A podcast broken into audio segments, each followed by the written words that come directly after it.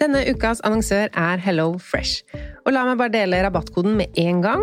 Gå inn på hellofresh.no og bruk fresh penge. Da får du opptil 1779 kroner rabatt. Og i dag tenkte jeg å snakke om matplanlegging ut ifra et hva vil jeg egentlig putte i kroppen min-perspektiv. Altså ikke hva som er godt, men hvor mange ganger i uka vil jeg spise fisk, f.eks. Og med Hello Fresh-appen så er dette så fint. Du velger bare ut fra en liste hvilke fem eller fire eller tre middager du vil spise uka etter. Og så kommer matkassa til deg på døra. Og du trenger ikke å tenke noe mer på hva du skal spise. Denne uka så blir det for meg to fiskeretter, to vegetarretter og en kyllingmiddag til guttene. Gå inn på hellofresh.no og se selv hva du kan velge mellom. Bruk koden FRESHPENGE for å få opptil 1779 kroner rabatt på de første seks matkassene dine, pluss gratis levering på den første kassa hvis du ikke har prøvd Hello Fresh tidligere. Rabatten kan du også bruke hvis du har vært kunde hos Hello Fresh, men det er mer enn tolv måneder siden.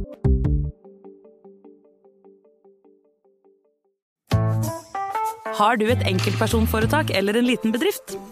Ikke det? Nei. Nei, men da holder vi det enkelt og gir oss her. Fordi vi liker enkelt. Fiken superenkelt regnskap.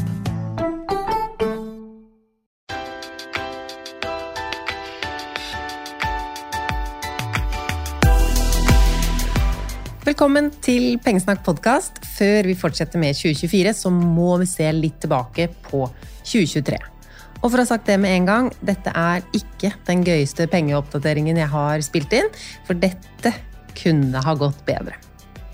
Målene mine for 2023, for å ta gjennomgang på det Spare 500 000 kroner. Planen der var å bruke 50 000 til nedbetaling på boliglån og investere 450 000 i aksjefond. Jeg skulle også trene 50 ganger. Jeg vet Mange sa at det var litt slapp mål på trening, men for en som pleide å trene 0 til 10 ganger i året, så var 50 et passende mål for meg. Mål skal jo heller ikke være urealistiske, de skal være realistiske og oppnåelige, men noe strekke seg etter. Jeg skulle også lese 50 bøker. I tillegg så har vi jo Selge 100-utfordringen. Har du ikke hørt om Selge 100, så legger jeg noe link i episodebeskrivelsen. Det handler om å selge ting du ikke trenger hjemmefra. Jeg hadde ikke sagt at jeg skulle klare det i år, for jeg har gjort det mange år før, men jeg og mannen min nå liker å selge ting videre på nett som vi ikke bruker. Så hvis jeg sier at målet vårt var halvveis, da, selge 50 Det passer også bedre inn i rekka med mål. Spare 500 000, 50 treninger, 50 bøker, 50 salg. Jeg tok en runde med Tom til morgenen i dag for å telle hans salg, og vi endte på 51 salg. Og enda flere ting ut av huset vårt i 2023. Hva mer? Jeg hadde også et mål om å leie ut hytta vår like Altså få like mye penger inn som vi brukte på hytta. Jeg har summert alle pengene vi brukte på hytte. Det er sånn strøm, fellesutgifter, innkjøp til utleie. Jeg kjøpte sånn ekstra sengesett, sånn at jeg kunne ha reid på alle sengene. Og hvis det skulle komme noen nye, så måtte jeg jo ha nok. Altså dobbelt opp. Eh, så koster det litt penger med renovasjon, kommunale utgifter. Totalt kosta hytta vår oss i 2023 70 179 kroner. Eh, det er da rene utgifter, ikke noe lånenedbetaling eller noe. Jeg leide ut hytta 15 ganger.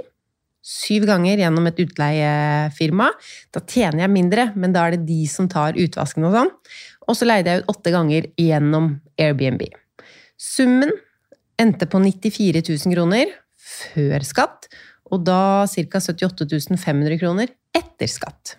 Altså utgifter 70 000, inntekter 78 500. Det klarte vi.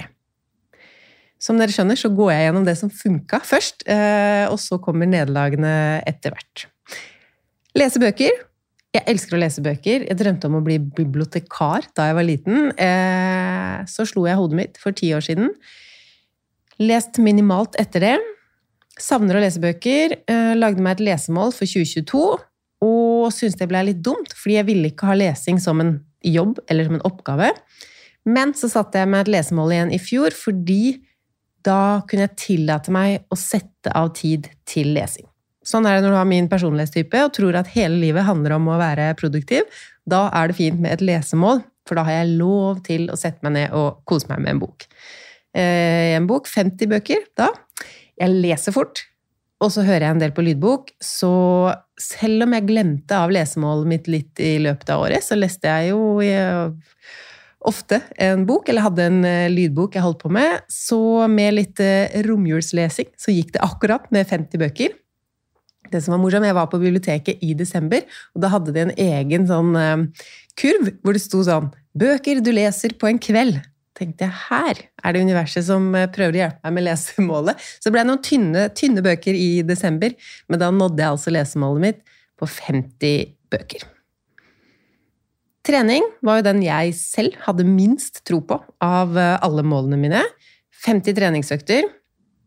Her handler det jo litt om definisjonen av en økt. Jeg skal være ærlig og innrømme at det er ikke alle som ville sagt at jeg oppnådde treningsmålet mitt. Eh, men det sier jeg. Men den eneste grunnen til at jeg klarte det, var at jeg la lista lavt. Lavt. Sykler jeg til Oslo, teller det som en treningsøkt. Altså frem og tilbake. Da er det over én time sykling. Det kaller jeg en økt. Ikke hvis jeg sykler barna mine til skolen, eller sånn, men hvis jeg sykler over 60 minutter, satte jeg som sånn grense, da har jeg lov å telle det som en økt. Og det har jo gjort at jeg flere ganger har sykla når jeg egentlig hadde lyst til å ta bussen. For jeg tenkte da får jeg en økt til hvis jeg tar sykkelen. Så ja Trening, ikke trening. Jeg fikk i hvert fall inn mer hverdagsaktivitet fordi jeg hadde dette som mål, og fordi jeg tillot meg å kalle sykling over 60 minutter en økt. Hvis jeg tar en pause i jobbhverdagen min for å ta en tur, så gjelder det også som en økt uansett om jeg jogger eller går, fordi det er bra for helsa, mentalt og fysisk. Når jeg drar i svømmehallen, så er det ofte kun for å ta badstue. Og da sier jeg til meg selv det teller som en treningsøkt hvis jeg svømmer ti runder. Eh, så det er jo ikke kjempelangt, men sånne lavterskelting Det gjør at jeg har trent mer i år enn i fjor. Så tenkte jeg, skal jeg ha 50 treningsøkter som mål i 2024 òg, men heve lista for hva jeg kaller trening? Eller skal jeg ha den samme lave lista for å få inn mer hverdagsaktivitet, men ha et høyere antall, sånn at jeg også må ta flere ordentlige trenings, treningsøkter? Ok, nå kan jeg vel ikke utsette det lenger. Vi har kommet til sparinga. Det jeg har klart ikke sant? Sparemålet mitt, 500 000 kroner, det har jeg så desidert ikke klart. Det jeg har klart, er å øke beholdningen min i aksjefond med 500 000 kroner. Ganske akkurat. Men der er det aksjemarkedet selv som har stått for 450 000 av de kronene. Min aktive sparing 50 000 kroner. 52 900, for å være helt nøyaktig. Jeg har også betalt ned boliglån med 50 130 kroner. Så det blir jo til sammen 100 000 kroner spart. Ikke 500 000 som var målet. Og hvordan går det an å feilberegne så totalt hvor mye man skal spare? For meg som til og med jobber med det her? Jo, jeg har jo blitt så vant med at renoveringsprosjektet vårt trakk ut i tid. Det var jo mye søknader og sånn. Plutselig var eh, arkitektenes tegninger ferdig, søknaden i kommunen var godkjent, og tomta var full av anleggsmaskiner før påske. Og det har vært arbeidere her, bråkmakere, som jeg kaller dem. Altså, det har ikke vært det beste året for eh, hjemmekontor, det er én ting, men vi har brukt ekstreme summer på å lage om garasjen vår til en gymsal med høy takhøyde. Altså, du kommer til å enten le deg skakk eller bli misunnelig når jeg viser deg bildet av den galskapen. Eh, vi har bygget inn det gamle inngangspartiet vårt i første etasje. Laget et nytt inngangsparti nede til det som en gang var en kjeller. Ordentlig kjeller med edderkopper og sånn. Nå er det luksus. Eller snart. Snart er det luksus. Vi er ikke helt ferdige, men siden vi da ville ha utgang fra denne nye, fine kjelleren til hagen Og hagen var jo laget for eh, første etasje, ikke til kjelleren. Så da har vi også måttet grave vekk 850 kubikk jord. Kan det stemme? 850 kubikk jord fra hagen. Og måtte sette opp noen støttemurer. Altså, støttemurer har aldri stått på min liste over ting jeg har lyst til å bruke penger på. Eh, vi har brukt, ikke på støttemurene alene, men på hele dette prosjektet i år, har vi brukt 4 700 000 kroner på hus og hage i 2023. Nå legger jeg bare inn en liten pause her, så at du rekker å si Hæ? Det er jo det et hus koster. Ja, vi har bygget et hus i huset, og jeg har ikke egentlig noe mer kommentarer eh, til det. Det er eh, Tom sin største drøm og lidenskap, og vi får et veldig fint eh, hus. Ja, jeg har ikke noe mer å si. La oss gå over til inntekt og forbruk på andre ting enn hus. Målet mitt for året var å tjene masse penger, og det har jeg egentlig gjort. Men ikke i forhold til hva målet mitt var, eh, hva jeg har tjent i mine beste år og sånn. Så jeg har jobba mye. Og jeg er heldig med at jeg elsker jobben min, at jeg kan gjøre så mange ulike ting med pengesnakk. Så de summene jeg sier nå, det er penger inn til firma. Altså før skatt, før alle firmautgiftene. Altså firmainntekter, ikke min lønn. Hvor mye tjener man egentlig på en podkast som har over én million nedlastninger i året? Faktisk ingenting. Hvor mye tjener man på å dele innhold med 80 000 følgere på Instagram hver dag?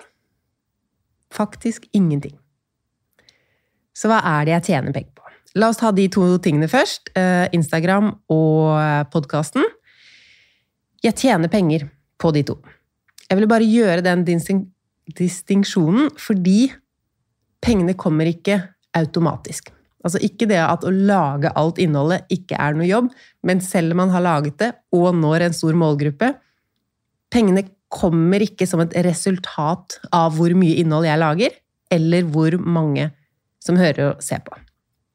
Jeg tjener penger på de kanalene kun fordi jeg har samarbeid med firmaer som vil ha synlighet i mine kanaler. Og jeg vil ikke ha fullt av reklame på min eh, Instagram. Jeg har de siste årene sagt sånn tolv reklamer er det jeg kan ha. Én i måneden. Um, det fins jo influensere som har ett hver dag. Jeg tenker én i måneden passer bra for min, uh, min type Altså det, det, jeg driver med. Uh, og hva har jeg hatt? 15 betalte innlegg, men bare åtte forskjellige firmaer uh, i løpet av året. Og mye av det havna i desember det la du kanskje merke til hvis du følger meg, at det var sånn reklametungt på slutten av året. fordi selv om jeg tenker jeg kan ha tolv samarbeid, så er det jo ikke bare å si ja, da setter jeg på tolv samarbeid, ett i måneden. Jeg må jo finne de riktige firmaene. Um, og jeg har jo noen som hjelper meg med alt det her, her fra podkaststudio, hvor jeg spiller inn. De lager avtaler med meg og de rette firmaene, setter priser, gir meg brief, sørger for at innholdet blir godkjent, datoer for posting Alt det her som man ikke ser, men som er en stor del av det å jobbe med innhold. På Instagram-samarbeid tjente jeg 244 000 kroner i fjor. Og på podkastsamarbeid tjente jeg 232 000 kroner. Videre på samarbeid så tjente jeg 14 811 kroner på bloggen min, 9912 kroner på TikTok og 36 215 kroner på ting som ikke er synlig i mine kanaler, men i samarbeidspartneren min sine. Altså eksempel at jeg er eh, på en Facebook-side, hjemmeside eller en sponsa nyhetsartikkel eller en plakat. Et eller annet sånt som ikke syns på mine kanaler. Så det er min fulltidsjobb, kan man si. Lage innholdet og disse mm, sponsoratene. Det blir totalt 538 335 kroner i inntekt inn til firmaet mitt. Altså før kostnader. Så har jeg bøker og foredrag, så jeg tar de én og én. Foredrag. På starten av året så tenkte jeg hvordan kan jeg jobbe mer med foredrag? Jeg elsker å reise rundt og møte dere. Hvordan kan jeg jobbe mer med det? Da jeg sa opp jobben min for å jobbe fulltid med pengesnakk, så var foredrag en av de store tingene for meg. Jeg tjente over 100 000 kroner på foredrag det året, og mye av det var jo ved siden av eh, full jobb. Og så hadde jeg lavere priser, så det var ganske mange foredrag. Og så kom 2020. Foredrag var kun 6% av inntekten min det året. Forståelig pga. korona, og jeg hadde en liten baby. 2021 var foredrag også 6% av inntekten. Og kanskje da jeg hadde en liten baby. Ja, han er født helt på slutten av 2020. Um, så det var også greit. Det var fortsatt korona, lite arrangementer. I fjor var foredrag også 6, nei, 7% av inntekten. Tjente jeg 90 000 kroner på foredrag. Men da hadde jeg ingen liten baby, og det var ikke noe mer pandemirestriksjoner. Så da måtte det være noe annet, tenkte jeg. Hvorfor holder jeg ikke mer foredrag, eller er mer populær som foredragsholder? Eh, så som enhver businesseier ville gjort, så gikk jeg gjennom planen for salg og markedsføring av Pengesnakk foredrag, og fant ut at det var null. Null oppsøkende salg, null markedsføring av meg selv som foredragsholder. Så hvis noen ville ha et foredrag med meg, så måtte de ha hørt om det fra noen, at jeg i det hele tatt holdt foredrag. Og selv da, hvis du googla 'pengesnakk foredrag', så fant du ingenting. Eller du kom på foredrag som allerede var avholdt. Så jeg laget en hjemmeside, pengesnakk.no slash foredrag, hvor det er informasjon om at jeg holder foredrag. Jeg fikk deltakere og arrangører fra tidligere foredrag til å sende meg noen setninger om hvordan eh, det var, og hvordan jeg er som foredragsholder. Og et skjema man kan sende forespørsel om booking. Så enkelt. Eh, og det har ført til at eh, jeg har fått lov til å jobbe. Reise rundt. Jeg har vært i Larvik, Oslo, Tromsø, Harstad, Hammerfest, Bamble, Haugesund, Fredrikstad, Røros og Lillestrøm. Og har fått allerede noen bookinger for 2024. I 2023 tjente jeg da 237 000 kroner på foredrag, og som da tilsvarer 25% av min totale firmainntekt i fjor. Bøker. Det er altså planleggeren for 2023. Nå selger jeg Pengesnakk planlegger 2024. Link til det finner du i episodebeskrivelsen. Det er en bok som eh, du holder styr på både livet og økonomien ett og samme sted. Ukesoppslag med plass til avtaler, gjøremålslister, matplanlegging, budsjett- og regnskapssider, mål for måneden, masse sparetrackere. Smarte ting i den boka, om jeg skal si det selv. Sjekk ut den. Den er også i bokhandel, hvis du vil bla i den før du bestemmer deg. Den er utsolgt mange plasser, men ikke overalt. Det er også noen penger inn fra boka jeg skrev i 2020. Pengesnakk slik sparer du deg lykkelig, hovedsakelig fordi jeg leste den inn som lydbok i år og fikk honorar for det, og så er det noen salg av lydbok og bok. Totalt forfatterinntekt i 2023 124 000 kroner. Så var det kurs digitale kurs. Jeg har hatt eh, ryddekurs og pengekurs og tjent totalt 402 000 kroner inn. Jeg har også en del utgifter med de kursene, for der har jeg med folk som hjelper meg med design og filming og forskjellig, men fortsatt veldig fornøyd med å se at det ble en såpass stor sum totalt. Dette er én runde med ryddekurs, det er et kurs som går over mange uker, og to runder med pengekurs, som er et kortere kurs. Og en liten melding om det. Neste ryddekurs er flytta til mars. Jeg sa jo januar. Men så har jeg så mange oppdateringer jeg har lyst til å få inn. Jeg har lyst til at mye mer av kurset skal være på lyd, sånn at du kan ha meg på øret og rydde mens du hører, istedenfor å først se på, og så finne enda mer tid til eh, å rydde. Og jeg er så travel med andre ting jeg driver med, og jeg vil ikke selge deg noe halvveis. Målet med ryddekurset er jo at du skal få det ryddig, og det vet jeg at jeg kan hjelpe deg med. Jeg må bare perfeksjonere det litt til. Jeg har laga en venteklubb, altså for deg som tror du kanskje vil være med på neste kursrunde med rydding. Meld deg på ventelisten, for da får du noen gratis smakebiter frem til vi setter i gang, i form av ryddeoppgaver på e-post. Mm, før vi da starter i mars med hele metoden. Og link til det finner du i episodebeskrivelsen. Pengeplanen derimot, den åpner snart for eh, påmelding. Er du på e-postlisten min, så går du ikke glipp av det. Det skal jeg love deg. Påmelding til nyhetsbrevet finner du også i episodebeskrivelsen. Siste småtingene jeg har tjent penger på i 2023, er eh, reklameinntekter. Sånne linker Eh, og da er det ofte at jeg har linka til mine egne bøker. Da får jeg faktisk mer per solgte bok for eh, reklamelinken enn som forfatter. Så det er det. Eh, og så er det noe fra YouTube-kanalen min. Affiliate-linker 22 000 kroner. YouTube 19 500 kroner. Jeg har ikke vært så veldig eh, aktiv på YouTube-kanalen min i 2023, men det har jeg lyst til å være i 2024. Jeg trenger flere døgn i timen jeg, om jeg skal rekke alt jeg vil eh, dette nye året med blanke ark. Totalt pengesnakk-inntekt 1 343 529 kroner. Firmautgifter Jeg har ikke registrert alt fra fjoråret enda, men det blir nok ca. 225 000 kroner i firmautgifter. Det gir et firmaresultat på 1 118 529. Og siden Pengesnakk er et enkeltpersonsforetak, så er resultatet min inntekt. Jeg har også noen private inntekter. Vi har jo vært innom hytta allerede. Eh, men siden utgiftene er en del av utgiftene, så er også inntektene en del av eh, inntektene. Og her snakker jeg kun om mine inntekter, så derfor er hyttebeløpet delt på to. Inntekter fra hytteutleie 39 222. Inntekter fra å selge alt mulig hjemmefra vi ikke trenger lenger 10 600 kroner. Aksjeutbytte. Jeg er jo ikke veldig stor på enkeltaksjer, men jeg har noe, så der har jeg fått 469 kroner i utbytte i år. På crowdfunding, investeringsprosjekter, har jeg fått ut 8990 rentekroner.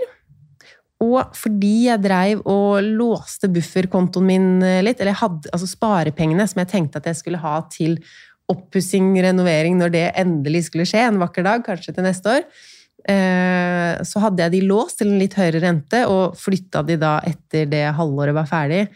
Eh, så jeg har fått en del renter, det var det jeg skulle si. Nå er sparekontoene mine tomme, men eh, renteinntekter på de før jeg brukte de opp, 19 438. Så det siste er bonuser. Det er det kredittkortbonus og trumkort og Coop-medlemskap. 4000 358. Så totalt på disse private inntektene 83 000.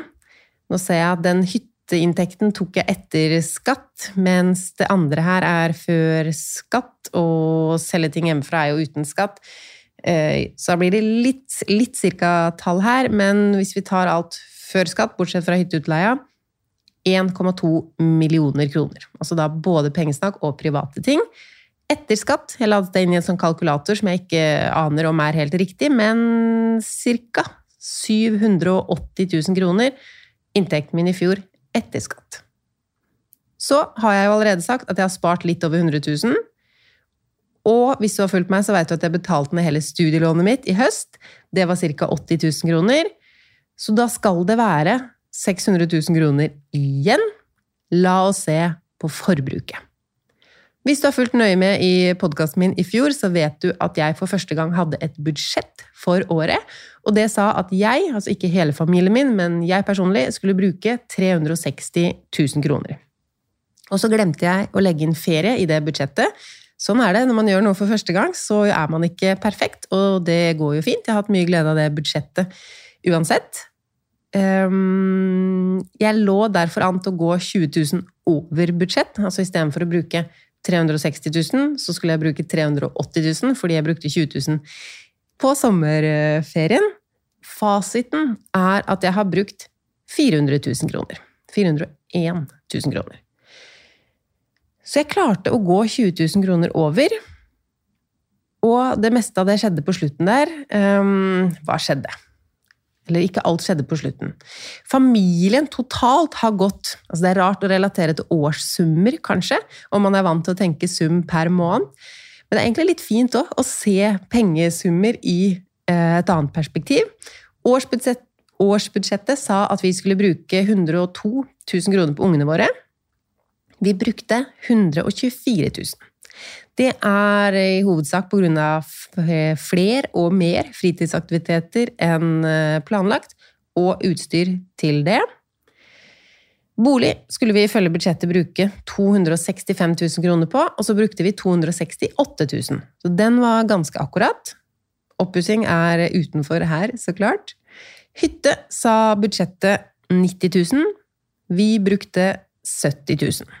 Det var ingenting som skjedde på hytta som krevde ekstra kostnad, selv om jeg hadde budsjettert med et eller annet uforutsett. Og så hadde jeg tenkt til å pusse opp litt på hyttedoen, som jeg ikke gjorde. Så derfor en del under budsjett på hytte. Matbudsjettet var på 96 000 kroner, og vi brukte 125 000 kroner. Fader, altså. Det skulle liksom være fokus i år, dette matbudsjettet, og så har jeg bare hatt hodet fullt av liv og jobb, så det har vært lite planlagt handling. Det har vært mye småhandling. Heldigvis har vi hatt uh, matkasse, så husholdningen har fått ordentlig og sunn mat, men til sammen så har det ikke blitt billig med alle måltidene vi har spist i 2023. Vi er altså to voksne og en syvåring og en treåring, hvis noen vil sammenligne sitt årsforbruk på mat med våres. I månedssnitt har vi brukt 10 500 kroner. Og jeg veit jo at eh, prisen har økt. Kanskje hadde jeg det litt lavt? Nei, jeg trodde ikke at Ja. Vi får se. Annet felles, en samlekategori for alt mulig med bil og alt annet felles som vi har brukt eh, på familien vår.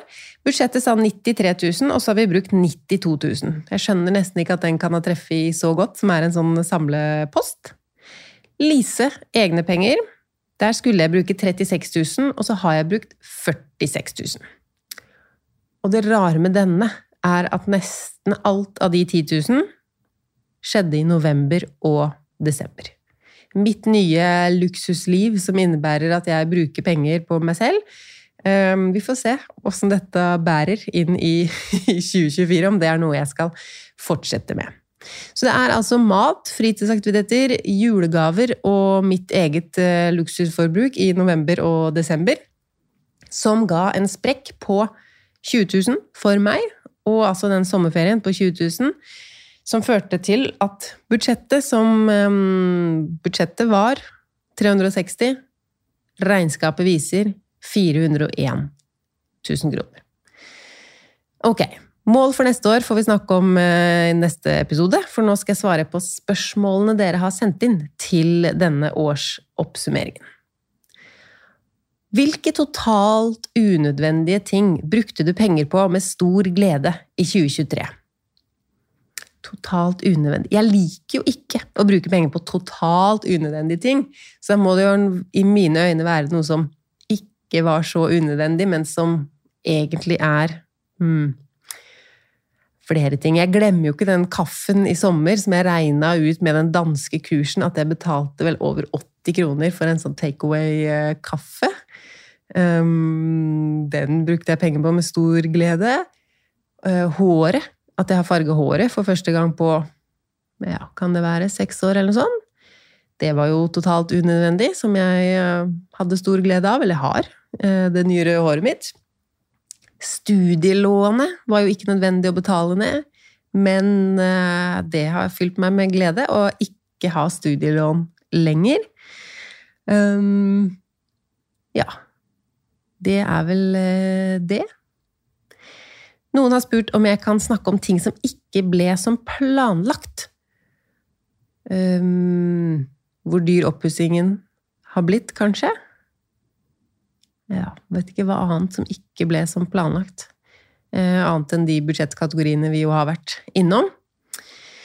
Så er det noen som spør om sparerate. Hvordan var spareraten min i år? Og den må vi vel regne som negativ, fordi jeg har jo brukt mer enn jeg fikk inn. Og hvis du lurer på hvordan har du egentlig betalt for all den renoveringen, for jeg sa jo at det Vi har brukt 4 700 000 kroner på kjelleren, eh, og jeg har jo ikke tjent engang halvparten av det. Så det er jo et bra spørsmål. Eh, for det første, jeg står kun for 40% av det. Vi har det sånn at i huset vårt er det jeg som eier 40% og mannen min som eier 60% Det handla om at han var rikere enn meg da vi møttes, og at jeg har lyst til å investere i fond og andre ting. Han er bare opptatt av bolig.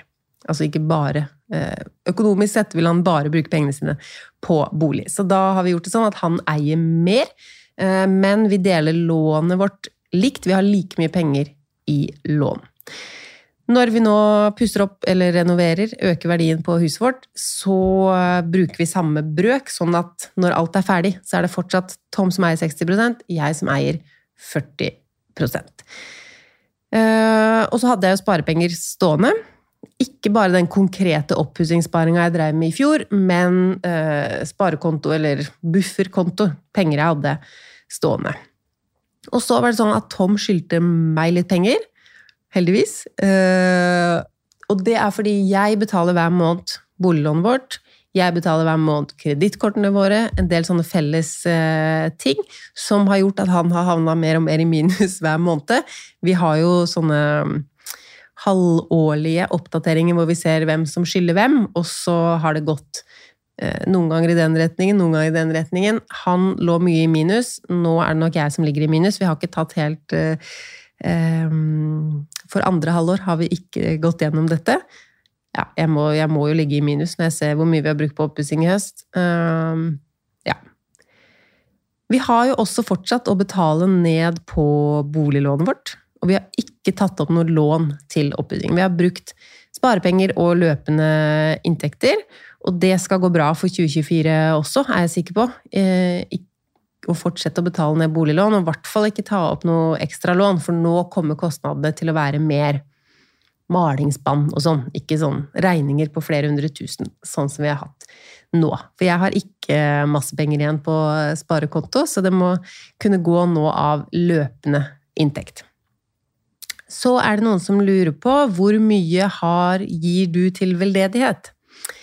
Og det er første gang jeg har en egen post. Jeg har hatt sånn gaver og veldedighet i samme, så da har jo noe av det vært julegaver og noe. Men i år så delte jeg det, og da er det 22 422 kroner. Jeg har faste månedlige trekk til en del organisasjoner, og så er det noen hundrelapper fra sånne spleis- og innsamlingsaksjoner folk deler. Og så fra firmaet mitt så gir jeg 1% av samarbeidsinntektene.